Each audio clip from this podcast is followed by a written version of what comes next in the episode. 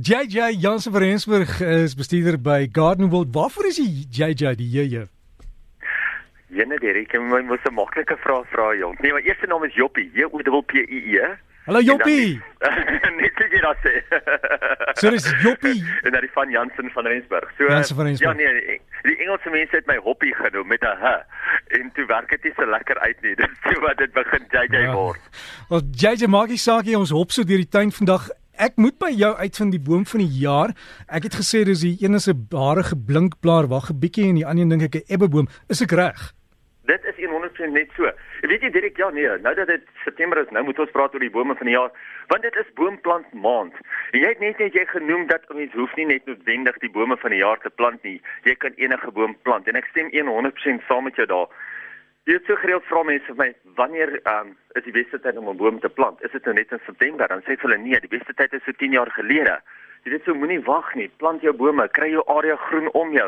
Ek was gister hoeka by 'n tuin gewees wat 'n kliënt vir my gesê het, hy wil soveel bome plant, hy wil sy hele uitsig wil hy eintlik opgee vir 'n bos om hom. En dit is regtig wat dit so lekker maak. As 'n mens daai woudagtige gevoel om jou huis het, wat 'n mens al daai bome het, jy hoef dan nie al jou hele tuin vol bome te plant nie, maar plant jy ekstra bome in. Doen dit vir die natuur, doen dit vir jou. En soos jy reg gesê het, ja, die ebbeboom en natuurlik die blinkblaar, wag 'n bietjie, is die twee bome van die jaar. Ons het twee bome van die jaar en hoekom het ons twee? Die ene is meer vir die ryp gevoelige areas en die ander is vir die areas wat wel kan ryp hanteer. So as jy 'n uh, boom wil plant wat nie ryp kan hanteer nie of wat wat wat wat, wat eintlik nie nodig het om ryp te kry nie, dan kyk jy na jou ebbeboom. Hy is natuurlik 'n boom wat um omtrent so plus minus 3 tot 10 meter hoog word. So hy kan eintlik van 'n struik na 'n boom groei en hy groei eintlik 'n pragtige immergroen boom. Dan het ons natuurlik die blinkblaar wag 'n bietjie wat 'n bladwisselende boom is en hy groei ook so 3 tot 10 meter hoog, maar hy kan nou weer baie meer ryp hanteer. Maar weet jy wat gaan loer by jou naaste kwekery? Want mense kry nie altyd al die bome van die jaar nie, want hulle word nie altyd oral gekweek nie. So gaan loer wat het hulle beskikbaar in terme van die bome van die jaar en as hulle hulle nie het nie, dan koop jy sommer net vir jou 'n ander boom en jy plant hom. Maak seker dat jy bome om jou plant. Hm. JJ, ekskuus, ek ek het ook 'n bladsy op Facebook met die naam van Breakfast. Ek gaan nou die foto's daar sit van die die Buffalo Thorn, een van die bome. Jy het al klaar op goed opgesit, Hmm. jong. Ja, mens- is skerp so vroeg in die oggend. Mens moet maar en danksy die internet is dit baie maklik deesdae want baie keer wil mense weet hoe lyk so hoe mos hy groot is. So ons probeer dit net makliker maak. So jy kan maar jou goed op op jou webtuise sit met ons deel asseblief JJ. Ek gaan definitief so maak, dan gaan julle sommer alles daarso oor kry. Direk nog twee goedjies of drie goedjies wat nou nog hierdie tyd van die jaar gebeur. So, almal vra altyd, wanneer kry 'n mens jou gekleurde varkore? Wanneer kan hulle mense hulle plant en wanneer kry mense ook daai pragtige amaryllisbolle? En nou is die tyd. Nou kan jy na jou kwekery toe gaan. Ek weet ons was gelukkig, ons het dit al vir die laaste 10 dae so. Het ons dit al by die kwekery, maar nou kan jy deur gaan na jou naaste kwekery toe en dan kan jy dit nou ehm um, gaan aanskaf en dan kan jy ehm um, jou nou vir jou begin plant. Onthou selfs al kry al het jy gekleurde varkore in die tuin, onthou hierdie tyd van die jaar gaan hulle begin uitloop en gaan jy hulle nou begin um, ekstra water gee en hulle beter behandel, hulle nou al begin voer. Uh mense vra altyd hoekom met blom by gekleurde varkore nie? Hoekom het hulle laas jaar so mooi geblom maar hierdie jaar blom hulle nie mooi nie? En dit is heel interessant dat as jy hom nie die vorige seisoen gevoer het nie, gaan hy vir jou hierdie seisoen nie blom nie. So dis hoekom vandat hy begin groei, begin hom sommer nou al te voer, laat hy nou al vir jou begin blom. Want as jy nou al begin krag in die plant insit, dat hy vir jou wel gaan blom. Want as jy dit nie gaan doen nie, gaan jy teen teen hierdie hierdie jaar weer net met 'n klomp blare sit.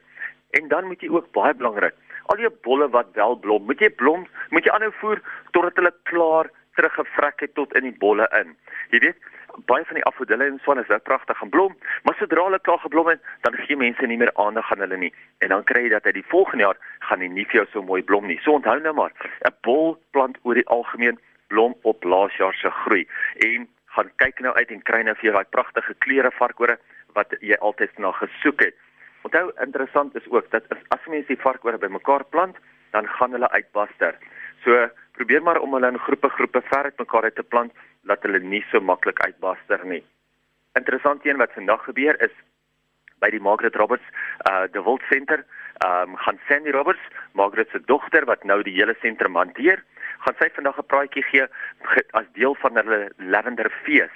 Gaan sy ook vir jou leer hoe om jou eie weselsoute te maak, tissue salts in Engels, hoe om jou eie badsoute te maak en nog baie meer oor lavendels. So as jy wil deel wees daarvan, Die praatjie is vanaf 12:00, maar gaan uit na die Margaret Roberts Herbal Center toe en dit is mos daar op te wild. En dan 'n laaste enetjie vir vandag is mense wat mos mal is oor die Clivias. Onthou daar's twee groot Cliviaskoue in die noorde en een van hulle is die Pretoria Cliviaskou wat hierdie naweek aan is en die Garnwell Cliviaskou van die Johannesburg Clivia Klub wat volgende naweek aan is. So vandag en môre is die Cliviaskou by die Anton van Wouw Laerskool. Dit is daar so 'n nuwe Mikkelneek in Pretoria gaan kyk bietjie daar's so ongelooflike mooi klere. Hierdie jaar is daar ongelukkig nie so baie klees wat in blom is soos vorige jare nie. Ek dink dit het maar te doen met die droogte, dit het maar te doen met die warm winter wat ons gehad het, maar soveel te meer maak dit soveel meer spesiaal om te gaan kyk wat het die mense aangewerk, wat het hulle gekweek vir die laaste omtrent 5 tot 7 jaar. Onthou dit vir 5 tot 7 jaar vandat jy 'n plant, vandat jy 'n klivia kruis bestuif het totdat hy vir jou uiteindelik daai blomme gee. So jy kan nou dink hoe lank hierdie manne nou al wag vir daai plant om nou te blom en nou uiteindelik kan hulle self sien wat het hulle gekweek en kan hulle daarmee spog. JJ, dankie daarvoor. En mense wat jy wil kontak, jy's nog by JJ by gardenworld.co.za.